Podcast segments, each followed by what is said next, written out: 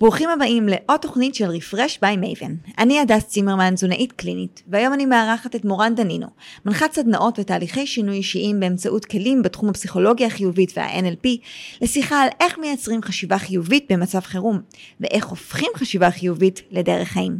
מיד מתחילים.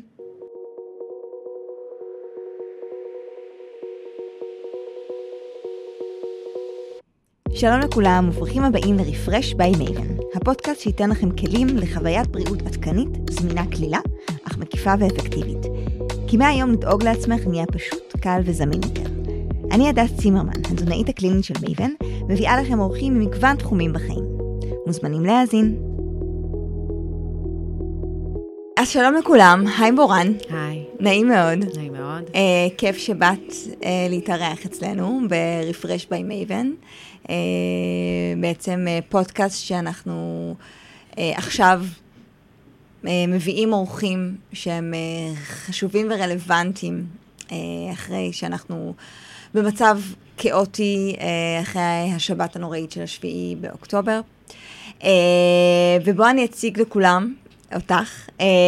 אז נמצאת איתנו מורן דנינו, שהיא מנחת סדנאות ותהליכי שינוי אישיים באמצעות כלים בתחום הפסיכולוגיה החישובי, החיובית ו-NLP. נכון? נכון מאוד. יופי. אז נעים מאוד. נעים מאוד, תודה על ההזמנה. בכיף. מה שלומך? את יודעת, היום מחפשים את המילה הנכונה, איך באמת לתאר את מה שאנחנו מרגישים, כי להגיד הכל טוב או הכל מצוין, זה... זה לא מתחבר עם מה שבאמת מת, מתחולל פה בפנים. נכון. אה, מנסים, מנסים לייצר איזושהי שגרה בתוך אה, המציאות הקשה הזאת שאנחנו, שאנחנו נמצאים בה היום. נכון, אנחנו... אה, באמת, אה, אחד הנושאים שחשבתי שהכי נכון בעצם להתעסק בהם ו- ולנסות להביא איזשהו ערך מוסף נוסף, אה, הוא העניין של חשיבה חיובית. ובאמת לפרק פה, אה, שלשמו התכנסנו, ואת פה כמומחית, אה, קראנו חשיבה חיובית, אסקפיזם בזמן מלחמה. וכולם מדברים על המילה הזאת, אסקפיזם, אה, קצת עושה לנו פלשבקים לתקופת הקורונה. אז מה זה אומר למעשה אסקפיזם? אז תראה, נכון באמת להתייחס למונח הזה, אסקפיזם, שאנחנו שומעים אותו יותר ויותר, במיוחד בתקופות של משברים. אסקפיזם זה איזשהו מנגנון הגנה שלנו, שבו אנחנו בורחים. בורחים מהמקום של לתת איזושהי הפוגה, אוורור, הסחת דעת, מה, מההתמודדות הקשה הזאת שאנחנו נמצאים בה. ואני חושבת שיהיה נכון רגע להתייחס למושג הזה, אסקפיזם, mm-hmm. במיוחד בזמן של משבר. גם בהיבט החיובי שלו וגם בהיבט השלילי שלו. אוקיי. Okay. אז אין ספק שאנחנו צריכים, בהיבט החיובי, אנחנו צריכים את ההפוגות האלה, ואנחנו צריכים רגע לעשות משהו שיסיח לנו את הדעת מהחדשות שהן קשות, אה, לדברים טיפה מאווררים. אה, נכון יהיה שלכל אחד ממש תהיה איזושהי אפילו רשימה של, אה, אנחנו קוראים לזה מגבירי אושר, של אותם דברים שגורמים לנו לאיזשהו רגע של נחת. גם הדברים הגדולים שמצריכים הרבה משאבים, וגם אלו שלא מצריכים משאבים בכלל. Mm-hmm. אה, חיבוק, שיחת טלפון, דברים כאלה שנותנים לנו רגע להתאוורר ולברוח. אבל כן חשוב לי גם להתעכב כדי שנהיה מודעים לזה mm-hmm. ולא נשאב לאותם מקומות, שהאסקפיזם, הבריחה, יכולה גם להפוך להיות איזשהו אה, ניתוק רגשי, אה, שבו אנחנו לא מאפשרים לעצמנו להרגיש את כל מגוון הרגשות. ואולי הצעד הראשון באמת בהתמודדות עם משבר, mm-hmm. זה לאפשר לעצמנו להיות אנושיים, ולממש את הזכות הזאת, ולהרגיש את מגוון הרגשות. אנחנו לא יכולים לברוח מהכעס, מהפחד, מהחרדה. אה, ומעוד הרבה רגשות אה, קשים. Mm-hmm. ונכון יהיה לתת להם מקום בלי שיפוטיות לכל הרגשות האלה. אז אם אני ככה אסכם את זה באמת באיזשהו משפט, את כל העניין של האסקפיזם, חשוב מאוד הבריחה הזאת, הרי זה מגיע מהמילה escape, לברוח. לברוח. Mm-hmm. לתת לעצמנו את ההפוגות, את האוורור, אבל יחד עם זאת, לדגום את עצמנו, אחת ל- ל- ליום, אחת לכמה שעות, ולבדוק עם עצמנו, רגע, מה שלומי, איך אני מרגיש, ולתת את המקום לכל אותם רגשות. אגב, כשאנחנו אה, עושים אולי השוואה, אולי גם לא נכונה, אבל כשדיברנו על הקורונה, אז איך היית מגדירה, מה ההבדל בין האסקפיזם שחיפשנו בש... בעת הקורונה לבין עכשיו? תראה, אני חושבת שאסקפיזם זה אסקפיזם, וזה עניין של באמת לאן את לוקחת את זה. אה, ומשבר הוא משבר. Mm-hmm. המשבר שאנחנו נמצאים בו עכשיו, הימים האלה, אני לא חושבת שזה, שזה דומה לעוד משהו שהמדינה שלנו עברה. ממש. הזוועות, האכזריות, הכאב, זה דברים שבאמת קשה, קשה להכיל. להכיל. אבל אם יש איזושהי נקודת אור אחת חשובה שאני רואה, היא באמת בהתמודדות. בקורונה היה לנו את הבידוד החברתי. אה, לא יכולנו להיפגש עם אנשים שאנחנו אוהבים, ועם משפחה, ועם חברים. והיינו מצומצמים מאוד לתא המשפחתי הקטן שלנו. וגם כשנפגשנו אז לא נגענו, ופחדנו. בדיוק. ו... אני. זוכרת שאפילו כשנפגשנו כבר עם אה, קרובי משפחה, זה הכל במרחק של השני מטר. ו- ועכשיו, חלק מההתמודדות שאנחנו, שכדאי שנאמץ, זה כן אותו מפגש עם האנשים שאנחנו אוהבים וחשובים לנו וקרובים אלינו. כמו שאת אומרת, שיהיה את החיבוק, שיהיה את המגע. המגע נמצא כ- כמשהו שנותן חום ונחמה ותחושה של שייכות, והוא אפילו משחרר אה, אוקסיטוצין, mm-hmm. שזה אחד ההורמונים שגורמים לנו קצת לשכך פחדים וגם לשכך כאבים פיזית.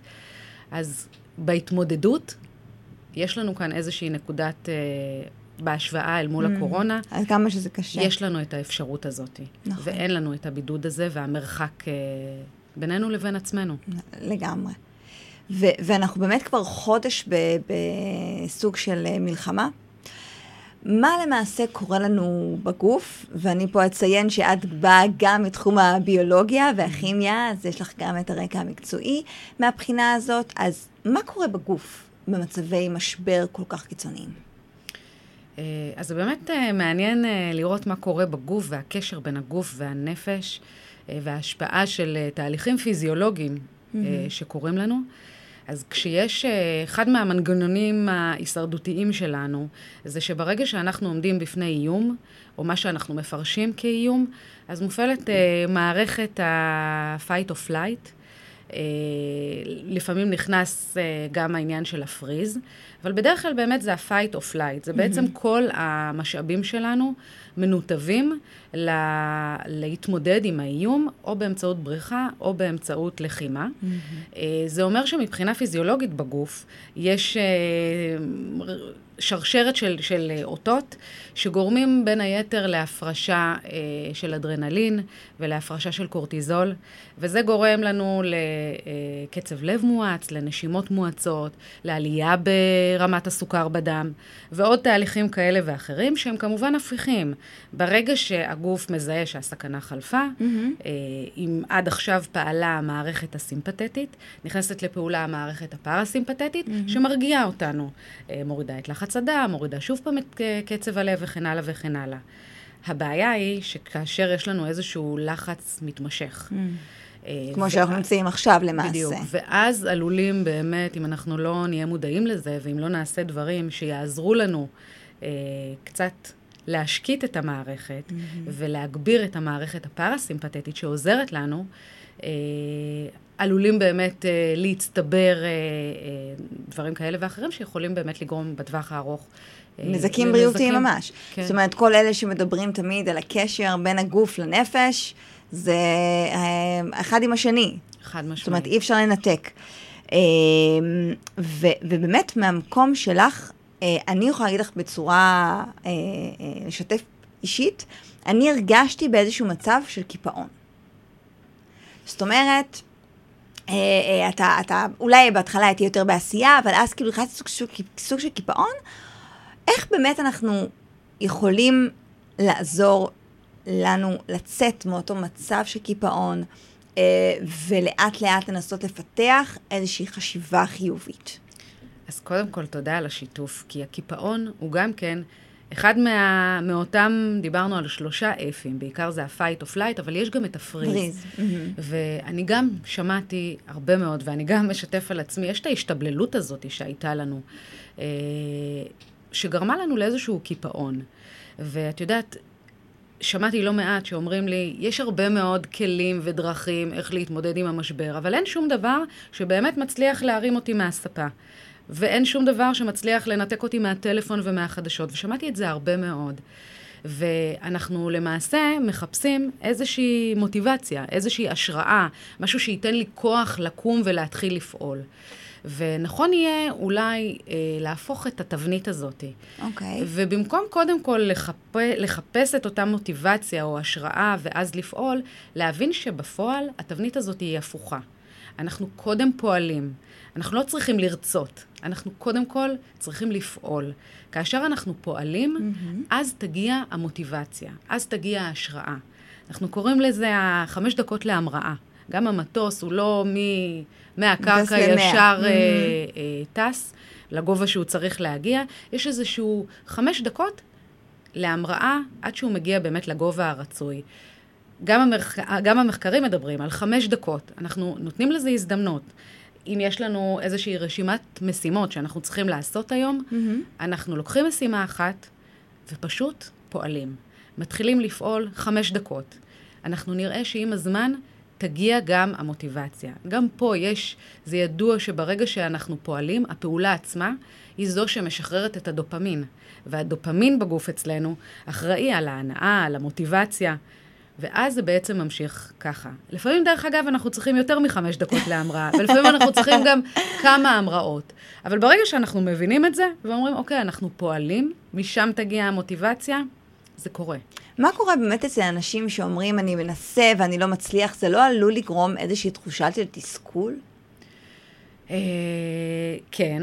יכול להיות תסכול, ולכן אנחנו צריכים באמת לא להגיד, אה, אני עושה היום רק X או Y, לתת לעצמנו איזשהו, איזושהי גמישות. את יודעת, מדברים גם הרבה על זה, על חוסן. חלק מהחוסן שלנו זה גמישות. ולהגיד, אוקיי, אני, יש לי אה, אה, כמות מסוימת של מטלות, אני רוצה שלפחות שלוש מהן אני אסיים.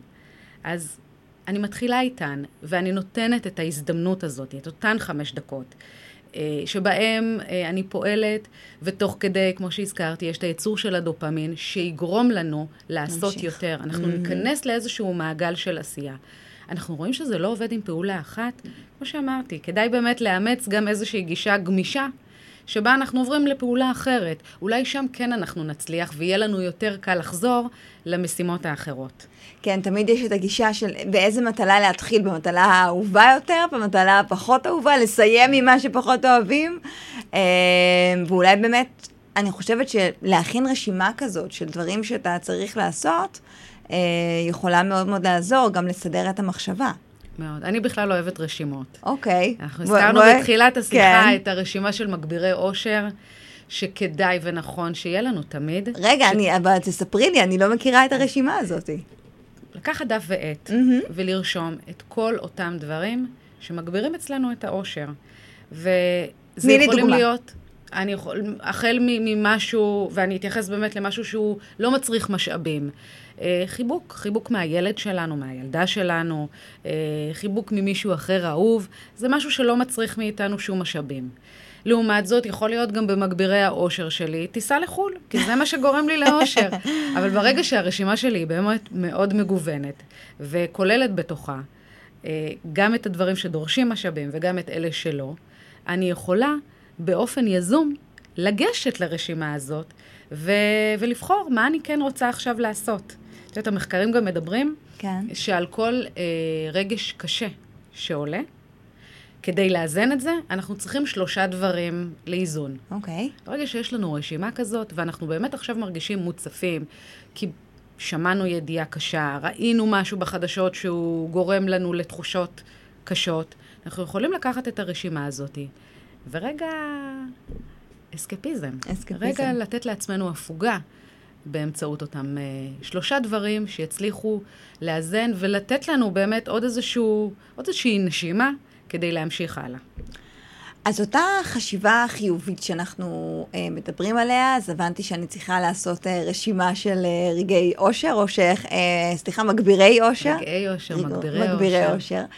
Uh, אני רואה גם הבדלים בין uh, קבוצות שונות, נגיד שחברות שלי. אוקיי? יש לי חברה אחת שממש באיזושהי חרדה קיומית, אחת שכל היום פועלת, אחת שחושבת שהכל יהיה טוב. האם יש הבדל בין האנשים והחשיבה החיובית שלהם?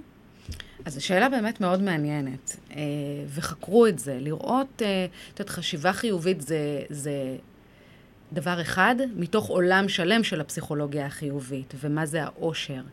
ואחת הפסיכולוגיות המאוד מוכרות, אה, סוניה לובומוסקי, היא בעצם חקרה את זה, mm-hmm. את ההבדלים שקיימים בינינו, מה, מה גורם להבדל בין אותן חברות שציינת, כן. למה אחת מאושרת יותר ולמה אחת פחות. אז היא מצאה ש-50 אחוז זה גנטי. 50 אחוז זה גנטיקה. 50 אחוז זה גנטיקה. אוקיי. Okay. שוב, לא על אה, מספר אה, אבסולוטי, mm-hmm. יש איזשהו טווח, איזשהו baseline, אה, שהוא גנטי. אוקיי. Okay. וה-50 אחוז הנותרים, הם מחולקים לנסיבות ולפעולות שאנחנו עושים. אוקיי. את יכולה לנחש כמה, איך החלוקה בפנים... אה, של אותם 50 אחוזים? הייתי אומרת שלנסיבות החיים יש משמעות אה, 30 אחוז, והשאר הוא הפעולות. אז אם אנחנו אולי רגע נבהלנו מאותם 50 אחוז שזה גנטי, mm-hmm.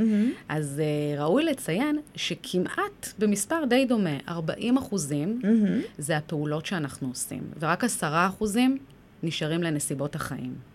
ז, וואו, זה, זה אומר, מאוד מאוד מעניין. זה אומר כן. ש-40 אחוזים מהאושר שלנו תלוי באותן פעולות שאנחנו נעשה. היא גם פירטה מהם הפעולות שיכולות באמת לתרום לאושר שלנו. אבל מה שחשוב להבין, שעל ה-40 אחוזים האלה יש לנו 100 אחוז שליטה. ובהם אנחנו יכולים באמת להשפיע על, ה, על החשיבה החיובית שלנו, על הרווחה שלנו, על הנפש שלנו. הפעולות הן אה, החל מטיפוח מערכות יחסים עם האנשים שקרובים אלינו, אה, לחיות אה, חיים ש, שיש בהם הכרת תודה ועזרה לזולת, להיפטר מטינה, להשתחרר מטינה, פעילות גופנית. ועוד באמת פעולות כאלה שעליהן אנחנו יכולים להשפיע באופן מלא. זאת אומרת שנסיבות החיים, משברים, כמו שאנחנו חווים עכשיו, למעשה אה, משפיעים עשרה אחוז בלבד על, על הנפש שלנו. תראי, במקרה קיצון כן. אה, אה, של טראומות, אה, ההשפעה יכולה להיות גדולה יותר. Mm-hmm. אבל אני באמת מדברת באופן אה, כללי, mm-hmm. אה, שבהם לנסיבות החיים יש אה, עשרה אה, אחוזים השפעה. זה, זה מדהים, כי אם אני לוקחת את זה רגע לעולם שלי, לעולם התזונה, אז אנחנו אומרים שהגנטיקה של הנראות שלנו, אה, תאי השומן, תאי הגוף, הם בערך 70 אחוז. ופה, זאת אומרת, על, על הנפש, יש לנו השפעה מאוד מאוד גדולה, ואני חושבת שזה משהו שיכול מאוד מאוד לעודד אנשים נוספים להבין שכמו שאמרת, על ה-40 אחוז האלה, יש לנו 100 אחוז שליטה. בדיוק. ואנחנו יכולים לשנות בצורה משמעותית את, ה, את הרווחה שלנו. הפסיכולוגיה החיובית בעצם בזה היא דנה. Mm-hmm. היא, היא, זה למעשה, אה, חוק, הפסיכולוגיה החיובית חוקרת איך באמת מגיעים לתפקוד מיטבי, התפקוד האנושי המיטבי, איך אנחנו משפרים את, ה, את הרווחה הנפשית שלנו ואת המימוש העצמי. וזה בדיוק העניין הזה של מה אנחנו עושים באותם 40 אחוז שבהם יש לנו את האפשרות לפעול. ו- ובאמת, איך אותה חשיבה חיובית אה, עוזרת לי במצבי חירום כמו שאנחנו נמצאים עכשיו? אז חשיבה חיובית זה לא רק להגיד אה, הכל טוב, אה, כל מה שקרה הוא לטובה, אה, ו- ומשפטים מהסגנון אני הזה. אני חושבת ש... שבמקרה שאנחנו נמצאים עכשיו, להגיד כל מה שקרה לטובה, הוא מילים שאתה לא יכול בכלל להכיל, אתה לא יכול להגיד אפשר, אותם. אי ו... אפשר להגיד אותם באותה נשימה, לא, זה לא קשור, מה שנקרא לא קשור לנושא. אה, אבל גם באופן עקרוני, גם חשיבה חיובית. זה, זה לא, הרעיון הוא באמת לא להגיד שקרה לי משהו הכל לטובה, או אה, שהפסיכולוגיה החיובית היא הסוד הגדול אה, באמת אה, להפוך אותנו לרק מאושרים. דיברנו גם מקודם, הרשות להיות אנושי. אנחנו, חלק מהחיים זה גם אה, משברים, וחלק מהחיים זה גם רגשות קשים, וחלק מהחיים זה גם המקומות האלה שבהם לא טוב. אה, אז מה זה כן פסיכולוגיה חיובית? Mm-hmm. זה איך כן להתמודד בצורה מיטבית עם אותם משברים. זאת אומרת, יש משפט שאני מאוד אוהבת, mm-hmm. אה, שמתאר את זה בצורה אולי הכי טובה. אה, אנחנו לא יכולים להעלים את הגלים, אבל אנחנו כן יכולים ללמוד לגלוש. Hmm. וזה בעצם הפסיכולוגיה החיובית, זה החשיבה החיובית. זה יש, יש משבר, יש תקופה קשה מאוד, מה אנחנו עושים עם זה? איך אנחנו מתמודדים עם זה?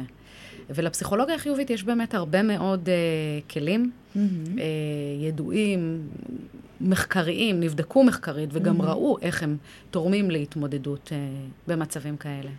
ואיך אנחנו בעצם הופכים את אותה חשיבה חיובית להרגל? אז כמו כל דבר, אנחנו צריכים להתאמן. ואם ציינתי כלים, אז יש לנו את הכלים של uh, כתיבה חופשית, של מה זה כתיבה הכרת, חופשית? תודה. Mm-hmm. Uh, אני, אני okay. כבר אוקיי. באמת אפרט מה mm-hmm. זה כתיבה חופשית, אבל שאלת אותי איך הופכים את זה? כן. פשוט מכניסים את אותם כלים לחיים שלנו ומתרגלים אותם. זה, זה לא יקרה ביום אחד, אבל ככל שאנחנו נכניס את זה ונתרגל את זה יותר ויותר, ככה אנחנו נוכל גם לאמץ ולסגל את אותה חשיבה חיובית. אה, אז שאלת אותי על כתיבה חופשית. נכון. אני רואה הרבה אנשים באינסטגרם, פתאום מציינים את עצמם כותבים, ו- ו- ולא ידעתי מאיפה זה מגיע. ועכשיו אני רוצה להבין יותר עמוק מבחינה מחקרית, כי גם אני אוהבת מדע וביולוגיה. אז קודם כל, כתיבה חופשית, חשוב להדגיש שכן תהיה את הכתיבה של עט ודף, ולא להקליד בטלפון, mm-hmm. כי כן רואים שמשהו בכתיבה הזאת אה, מפעיל את, שתי, אה, את שני חלקי המוח. אה, ובצורה כזאת היא גם תורם מחקרית להפגת מתחים ולירידה ברמות חרדה ולחץ. זה גם משפר אה, ריכוז. אה, שהרבה מתלוננים בתקופת משבר, שאני לא מרוכזת ואני עושה דברים שאני לא שמה לב אפילו. אני שכחתי לשלם לבייביסיטר שהייתה אצלי. דבר שלא קורה לי בדרך כלל. אני חושבת שזה קורה לכל אחד מאיתנו, תפס אותנו איזשהו, לפחות רגע אחד של חוסר ריכוז שעשינו משהו שלא הבנו איך זה קרה. Mm-hmm. אז גם זה זה משפר, גם את העניין הזה זה משפר. אה, ומה זה בעצם אומר? איך mm-hmm. אנחנו מתרגלים את הכתיבה החופשית? אה, את הכתיבה החופשית אנחנו מתחילים, במיוחד בימים כאלה של משבר. אנחנו מתחילים קודם כל מאיזשהו רצף של ארבעה, חמישה ימים, mm-hmm. שבהם אנחנו מכוונים לעצמנו סטופר. סטופר של טיימר לעשר דקות, רבע שעה, ואנחנו מתחילים לכתוב, מה שנקרא לשפוך, הכל. כל מה שעולה באותו רגע, אנחנו כותבים בדף, בלי לעצור, בלי להתעכב על בחירת מילים, בלי שיפוטיות. כל מה שעולה, ואם לרגע אנחנו נתקעים, פשוט לכתוב אפילו שאני עכשיו תקוע ואני לא יודעת מה לכתוב. ולהמשיך ולהמשיך ולהמשיך. אה, זה פשוט אה, לדפוק בדלת של התת-מודע ולתת לכל מה שנמצא שם לצאת. לצאת ולצאת במלוא העוצמה. אה, הרעיון הוא גם שאנחנו אומרים לעצמנו, זה לא מיועד לאף אחד, לאף אחד שיקרא את זה, גם לא לעצמי. אפילו ברמת ה... אני אומרת לעצמי, אני מסיימת עם זה, אני גורסת את זה. ובצורה כזאת אנחנו באמת מאפשרים לעצמנו את אותה חופשיות בכתיבה, אה, ובלי השיפוטיות. וואו, זה מדהים. אחרי אה, שאנחנו נעשה את זה ארבעה, חמישה ימים, אז כבר יש איזשהו באמת אוורור לרגשות. ואחרי זה, אנחנו לא צריכים לעשות את זה מדי יום, אלא רק כאשר אנחנו מרגישים מוצפים מאוד, mm-hmm. כשאנחנו מרגישים שאנחנו חסומים, אולי גם כשאנחנו מרגישים, קודם דיברנו על הקיפאון, uh-huh. אז אנחנו לא מצליחים לצאת ממנו. החמש דקות להמראה לא עוזרות לנו. שבו, קחו דף ועט, תתחילו לכתוב. ייתכן שאחרי זה כן יהיה לכם את, ההתחלה הזאתי, ואז תעברו לחמש דקות להמראה, ומשם כבר תמשיכו את הפעולה, את אותה כתיבה. זה כאילו אה, אה, סוג של ניקוי, כמו שאת אומרת, ניקוי התת-מודע.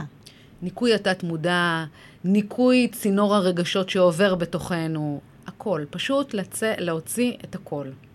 וואו. אה, אני הולכת לאמץ את זה כבר אה, בקרוב. דרך אגב, היה כן. גם איזשהו מחקר שמתאר שמיד אחרי הכתיבה, כן אנחנו יכולים להרגיש איזושהי הצפה. אבל מה שמתארים באותו מחקר זה mm-hmm. שבערך אחרי שעה מסיום הכתיבה יש הקלה מאוד מאוד משמעותית אה, באיך שאנחנו מרגישים. מדהים, מדהים. אה, אז כלי אחד שדיברנו עליו הוא אה, כתיבה חופשית. אה, הזכרנו גם אה, הכרת תודה. הכרת תודה זה גם משהו שכשהיא מתבצעת ממקום אה, ש... כנות אמיתית, שעל מה אנחנו מודים כל יום, זה מאפשר לנו אה, לצבוע את החיים קצת יותר בצבע. Mm-hmm. אה, קצת להסתכל על החיים דרך פריזמה אחרת, דרך פריזמה חיובית, אה, של חשיבה חיובית. ואני באמת ממליצה לתרגל את זה, ויש המון שיטות אה, לעשות אה, את, ה, את ה... להשתמש בכלי הזה של ההכרת תודה. Mm-hmm. אה, אפשר גם לשחק, לשחק את זה עם הילדים שלנו, אה, מה קרה לי טוב היום, אה, ו- ולהתחיל קצת לדבר על זה. אה, אני, אני עושה את זה כל ערב לפני שאני הולכת לישון. אני חושבת... בכתיבה או בחשיבה? אה, תלוי. Mm-hmm. בדרך כלל אני כן אה, אוהבת אה, לכתוב, אז בכתיבה. אבל אפשר גם אם מצאנו את עצמנו כבר, אה, נכנסנו למיטה, אז כן לחשוב רגע ולעצור. על שלושה דברים טובים שקרו לי היום. Mm-hmm. ואפילו להרחיב את החשיבה, ולא לעצור רק מה קרה לי טוב, אלא למה זה קרה לי. למה זה קרה? למה זה קרה לי דווקא? אה, אם חברה התקשרה אליי לשאול אותי מה שלומי, וזה דבר אה, טוב אה, שקרה לי היום, אז אני ממשיכה הלאה את המחשבה ושואלת למה? למה היא התקשרה אליי? וכשאני עונה לעצמי שהיא התקשרה אליי כי אכפת לה ממני, כי אכפת לה לשמוע איך אני מתמודדת עכשיו עם המצב, זה משהו שהוא אפילו מחזק עוד יותר. וגם כאן, דיברנו על זה שפסיכולוגיה חיובית היא מבוססת מחקרים. מחקרים. גם פה יש מחקרים. והמחקרים מראים שאנשים שעושים את זה באופן שגרתי, את העניין של הכרת תודה. הם אה, חווים פחות סימפטומים אה, של מחלות. והם מרגישים ערניים יותר, והסיכון שלהם לדיכאון נמוך יותר. אפילו מוצאים שיש שיפור במערכת הפרסימפטית, אם דיברנו עליה בתחילת המפגש. מערכת ההרגעה של הגוף. בדיוק, זו שמרגיעה אותנו. Mm-hmm. אה, אז גם כאן יש שיפור במערכת הפרסימפטית, ועוד הרבה מאוד יתרונות שלאורך זמן הולכים ונצברים. והדבר אפילו המעניין יותר, mm-hmm. זה לדעת שאנחנו לא מתרגלים לזה. זה לא כמו שכש... אה, יש דברים, במיוחד דברים חומריים ש, שיש לנו, יש לנו בית יפה, אז אנחנו בהתחלה נורא מתלהבים מזה, ואחרי כמה זמן אנחנו מתרגלים לזה. העניין הזה של הכרת תודה ומה שזה עושה לנו ולנפש שלנו, לא מתרגלים ומפסיקים... אה, להתרגש. לקבל את אותם יתרונות שהועלו באותם מחקרים. אנחנו עדיין ממשיכים, והתחושות האלה נשמרות גם לאורך זמן. שזה בדרך כלל דברים שהם יותר, פחות חומריים, אני מניחה. זאת אומרת, ההכרת תודה. אני יכולה להגיד גם תודה על דברים חומריים שקרו לי היום. אוקיי. Okay. יהיה, אה, רצ, רצוי יהיה לשלב גם דברים פחות חומריים, mm-hmm. אבל שוב, ברגע שאני נכנסת לאיזשהו מוד של הכרת תודה, ושל אה, להוקיר את הרגע ודברים שקורים לי, אז אני נכנסת באמת אה, לאותם אה, מקומות שאני מתחילה להסתכל על החיים, כמו שאמרנו, בצבעים אחרים, וזה נותן לי את אותם יתרונות שעלו במחקרים. ואני רוצה רגע להיכנס למקום של כשאותם רגשות דווקא שליליים מתעוררים. איך אני יכולה אה, ב-SOS, בטיפול חירום, אה, כמו שאת אומרת, לאט לאט להשקיט אותם? אז קודם כל, יהיה נכון גם לרגשות השליליים, אולי לקרוא להם בשם לא שלילי, okay. אלא אוקיי. רגשות קשים. אה, ולמה בעצם אני מזמינה אה, את כולם לקרוא להם רגשות קשים ולא שליליים? גם את עצמי, דרך אגב, אני גם עובדת על זה, כי גם אני לפעמים משתמשת במילה רגשות שליליים.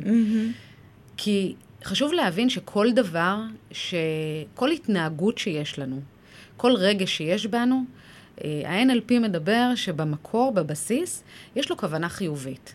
והכוונה החיובית היא לעזור לנו, לשמור עלינו, לקדם אותנו.